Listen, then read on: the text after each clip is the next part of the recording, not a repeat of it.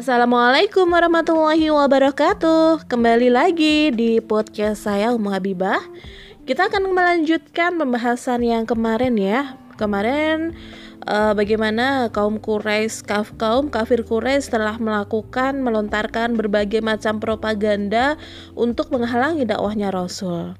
Nah, kemudian ketika mendengar bahwa sebagian kaum muslimin akan pergi hijrah ke, uh, ke Habasyah, mereka juga mengirim dua orang utusan untuk menyebarkan isu tentang kaum muslimin di hadapan Raja Najasyi dengan maksud agar kaum muslimin diusir dari negeri Habasyah. Dua orang utusan itu adalah Amr bin As dan Abdullah bin Rabi'ah.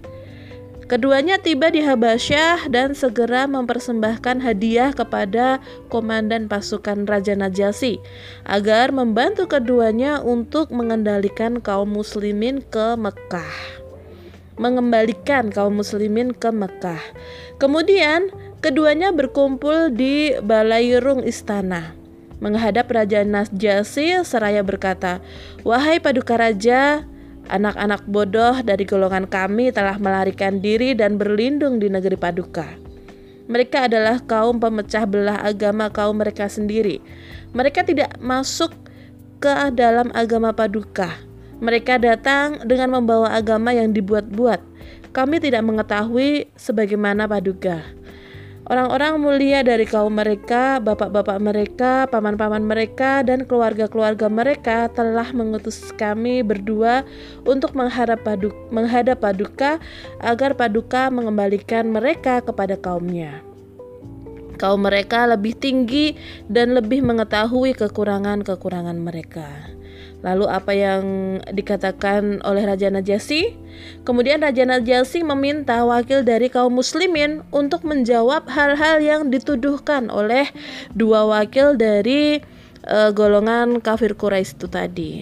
Maka ketika kaum muslimin menghadap, Raja, Nas Raja Najasyi bertanya, Tidakkah agama ini yang kalian anut? Sampai-sampai memisahkan diri dari kaum kalian dan dengan agama ini pula kalian tidak masuk ke dalam agamaku juga ke dalam agama mana pun dari berbagai agama yang ada Ja'far bin Abi Thalib kemudian menghadap dan menjawab pertanyaan dari Raja Najasyi seraya menjelaskan keadaan kaumnya di masa-masa jahiliyah beserta sifat-sifat mereka.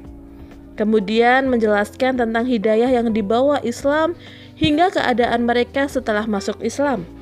Di samping itu, Ja'far juga memaparkan bagaimana kejamnya penyiksaan kaum kafir Quraisy tatkala mereka memaksa kami menganiaya tatkala mereka memaksa kami menganiaya, membatasi ruang gerak dan berusaha dan berusaha memisahkan kami dengan agama kami. Maka kami keluar ke negeri Paduka kami memilih negeri Paduka daripada negeri yang lain, dan kami senang bertetangga dengan Paduka. Kami mengharap tidak mendapatkan penganiayaan di negeri Paduka. Jelas Ja'far. Raja Najasyi kembali bertanya kepada Ja'far, Apakah engkau membawa sesuatu yang berasal dari Rasul kalian yang diwahyukan Allah dan kalian bisa membacakannya di hadapanku? Kemudian Ja'far menjawab, iya. Kemudian membacakan kepada Raja Najasyi surat Maryam dari awal hingga ayat 2, eh, 33. Maka Maryam menunjuk kepada anaknya. Mereka berkata, "Bagaimana kami akan berbicara tentang an ke dengan anak kecil yang masih dalam ayunan?" Tiba-tiba Isa berkata, "Sesungguhnya aku ini hamba Allah." Dia memintaku Alkitab Injil dan dia menjadikan seorang nabi. Dan dia menjadikanku seorang yang diberkati di mana saja aku berada dan dia memerintahku mendirikan sholat dan menunaikan zakat selama aku hidup dan berbakti kepada ibuku. Dan dia tidak menjadikanku seorang yang sombong lagi celaka dan kesejahteraan semoga dilimpahkan kepadaku pada hari aku dilahirkan, pada hari aku meninggal, serta pada hari aku dibangkitkan hidup kembali. Sewaktu para pembesar istana mendengar ayat ini, mereka berkata, Ini adalah kata-kata yang keluar dari sumber yang sama, yang menjadi sumber kata-kata junjungan kita Al-Masih. Raja Najalsi lalu berkata, Demi zat yang Isa datang dengan kata-kata ini. Sesungguhnya ini benar-benar keluar dari cahaya yang satu. Setelah itu, Raja Najasi menoleh kepada kedua utusan orang kafir Quraisy seraya berkata kepada mereka, Pulanglah, demi Allah, saya tidak akan menyerahkan mereka kepada kalian berdua. Dua utusan ini hatinya gundah, dadanya sesak penuh nafsu dendam. Keduanya tidak punya pilihan lain kecuali keluar dari balairung istana Najasi seraya berpikir mencari cara ya, cara yang lain. Hingga pada hari kedua, Amr bin As kembali menemui Raja Najasi dan berkata, kaum muslimin benar-benar membicarakan Isa Isa bin Maryam dengan kata-kata yang buruk dan kotor. Mendengar itu, Raja Najasi mengirim utusan kepada kaum muslimin menanyakan pendapat mereka mengenai Isa. Kaum muslimin membalas kunjungan utusan itu dengan mengirimkan Ja'far yang mengatakan, "Kami berkata mengenai mengenai Isa sesuai dengan apa yang kami peroleh dari nabi kami. Beliau mengatakan bahwa Isa adalah hamba Allah, utusan Allah, ruh Allah, dan kalimat Allah yang dihembuskan kepada Maryam, perawan suci.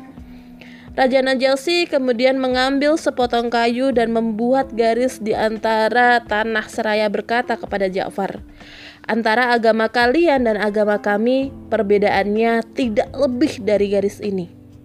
Maka dua utusan orang kafir Quraisy merasa bahwa misinya telah gagal. Akhirnya mereka mengundurkan diri dan kembali ke kota Mekah dengan memendam kedongkolan yang luar biasa. Demikian kondisi yang sebenarnya, berbagai cara propaganda menemui kegagalan dan akhirnya tenggelam kekuatan kebenaran yang diserukan oleh Rasulullah Shallallahu Alaihi Wasallam dengan sangat gamblang dan tampak pada lidah beliau, mengungguli seluruh propaganda busuk. Cahaya Islam yang baru terbit mampu mencerai berai seluruh isu dan propaganda tuduhan. Maka orang kafir Quraisy beralih pada senjata ketiga, yaitu dengan pemboikotan.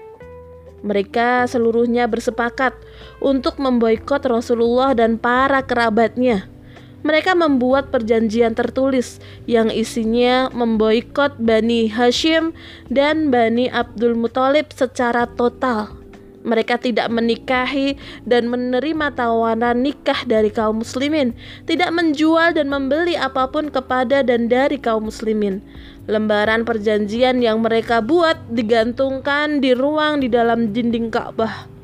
Pengaruhnya sangat kuat dan sistematis.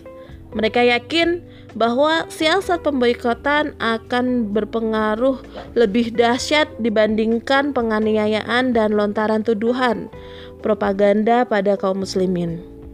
Pada masa pemboikotan berlangsung selama dua atau tiga tahun. Selama itu pula mereka menanti Bani Hashim dan Bani Abdul Muthalib akan meninggalkan Muhammad. Begitu juga mereka berharap kaum muslimin mau meninggalkan Islam. Maka jika ini terjadi, Muhammad akan terkucil sendirian dan kesepian. Begitulah yang mereka rancang dan dalam kondisi seperti itu mereka berharap Muhammad akan mencampakkan dakwahnya. Akan tetapi kenyataannya pemboikatan itu tidak berpengaruh sedikit pun pada Rasul. Malah semakin kokoh berpegang pada tali agama Allah. Beliau semakin semangat untuk menjalankan dakwahnya. Kekuatan dan keteguhan orang-orang mukmin yang menyertai beliau tidak surut. Penyebaran dakwah Islam di kota Mekah dan di luar kota Mekah tidak mengalami kemunduran yang berarti. Hingga akhirnya kabar pemboikotan kafir Quraisy kepada Muhammad sampai ke telinga suku-suku Arab yang berada di luar kota Mekah. Akibatnya, dakwah mencuat keluar dan tersebar luas di tengah-tengah kabilah Arab. Sebutan Islam menjadi terkenal di jazirah. Para musafir sering membicarakan pemboikotan itu. Meskipun demikian, aksi pemboikatan terus berlangsung. Kelaparan dan wabah penyakit terjadi di mana-mana. Di daerah pemukiman kaum muslimin. Sementara lembaran kertas pemboikotan yang dicanangkan kafir Quraisy masih tergantung di dinding Ka'bah. Rasulullah dan seluruh keluarganya berlindung di bukit-bukit pinggiran kota Mekah mereka didera dengan berbagai penderitaan, kelaparan, kekurangan, kefakiran, dan kesempitan. Hampir-hampir mereka tidak menemukan jalan yang dapat mengakhiri, mengakhiri kesempitan itu. Kaum muslimin tidak diberi kesempatan untuk bertemu dan berbicara dengan siapa pun kecuali di bulan-bulan mulia yaitu ketika Rasulullah Shallallahu Alaihi Wasallam turun ke sekitar Ka'bah mengajak bangsa Arab menuju agama Allah, memberi kabar gembira pada mereka berupa pahalanya dan memperingatkan mereka dengan siksa dan azabnya. Setelah itu, Rasulullah kembali ke bukit-bukit. Kasus ini akhirnya membangkitkan simpati dari bangsa Arab kepada kaum muslimin. Bahkan di antara mereka ada yang menerima dakwah Islam. Ada yang mengirimkan makanan dan minuman secara sembunyi-sembunyi. Hisham bin Amru misalnya, datang dengan unta yang memuat penuh bahan makanan dan gandum. Dia berjalan di tengah gelapnya malam hingga sampai di dekat bukit tempat tinggal kaum muslimin. Lalu tali kekang untanya ia lepaskan dan unta itu dipukul hingga lari ke arah bukit. Kaum muslimin mengambil unta tadi dan membagikannya membagikan muatannya, sementara untanya disembelih dan dagingnya dimakan bersama-sama. Demikianlah kondisi kaum muslimin selama tiga tahun berturut-turut. Bumi terasa sempit bagi mereka hingga Allah mengirimkan kemudahan dan pemboikatan itu pun berakhir. Lima pemuda Quraisy yaitu Zuhair bin Umayyah bin Abi Umayyah, Hisyam bin Amru, Mut'im bin Adi, Al-Buhturi bin Hisyam, dan Zam'ah bin Al-Ashwad berkumpul serta membahas persoalan yang menyangkut teks perjanjian dan pemboikotan. Mereka semuanya marah antara satu dengan yang lainnya, menampakkan kemurkaan. Kemudian mereka sepakat dan merobek-robek kertas lembaran pemboikotan itu. Pada hari berikutnya, mereka pergi ke Ka'bah. Zuhair datang dan tawaf di Baitullah sebanyak tujuh kali. Secara tiba-tiba, ia berteriak menyur, menyeru kepada manusia. Wahai penduduk Mekah, apakah kita enak-enak makan makanan yang dan mengenakan pakaian sementara Bani Hashim binasa mereka tidak diajak berdagang dan berjual beli demi Allah Aku tidak akan duduk hingga lembaran boykot yang zolim ini terop tercabik-cabik. Mendengar hal itu, hati Abu Jahal mendidih. Dia lalu berteriak dengan keras, "Dia bohong! Demi Allah, jangan kau robek!"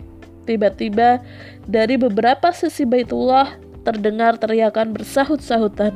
Zam'ah, Al-Bukhturi, Mut'im, dan Hisan Hisyam, semuanya mendustakan Abu Jahal dan mendukung Zuhair. Sejak saat itu, Abu Jahal menyadari bahwa pemboikotan telah berakhir pada malam itu juga. Kebanyakan orang Arab menyetujui penghapusan pemboikotan itu. Perlawanan mereka, suku-suku Arab, telah membangkitkan berbagai upaya buruk dan jahat, sehingga dalam diri Abu Jahal, Jahal timbul rasa takut yang memaksanya untuk ber berintrospeksi. Mut'im segera bangkit lalu merobek lembaran perjanjian boykot. Dia mendapati lembaran itu telah dimakan oleh rayap, kecuali bagian awalnya yang berbunyi Bismika Allahumma. Dengan demikian, kesempatan bagi Rasul dan para sahabatnya kembali terbuka untuk turun dari daerah perbukitan menuju kota Mekah. Rasulullah dan kaum muslimin atas pertolongan Allah berhasil mengakhiri pemboikotan. Mereka kembali dan Rasulullah melanjutkan aktivitas dakwahnya hingga jumlah kaum muslimin bertambah banyak. Demikianlah Berbagai cara telah dilakukan oleh orang-orang kafir Quraisy yang menganiaya, menyebarkan berbagai propaganda dan pemboikotan Rasulullah beserta kaum muslimin. Namun semuanya yang terbukti gagal. Mereka tidak mampu memecah belah kaum muslimin dan memisahkannya dari Islam. Mereka juga tidak mampu menghentikan Rasulullah dan dakwahnya hingga Allah memenangkan dakwah Islam meski berbagai kesulitan dan cobaan terus berdatangan. Masya Allah, sahabat, sebuah kisah yang sangat mengharukan dan tak terasa air mata ini terus menetes ketika membaca sirah bagaimana perjuangan dakwah Rasulullah Shallallahu Alaihi Wasallam. Dan saat ini kita sebagai seorang Muslim maka berada di pundak kita lah perjuangan dakwah saat ini berada. Mari kita bersama-sama memperjuangkan dakwah Islam hingga Islam ini bisa hingga Islam ini dapat kembali diterapkan di tengah-tengah umat hingga aturan-aturan Islam ini bisa kafah diterapkan di tengah-tengah umat. Baik, demikian podcast saya. Mohon maaf uh, karena memang ketika membaca sirah pasti air mata tidak akan bisa berhenti untuk dibendung ya. Semoga kita bisa mengambil pelajaran dari podcast kita kali ini. Tetap stay tune di podcast saya Muhabibah. Wassalamualaikum warahmatullahi wabarakatuh.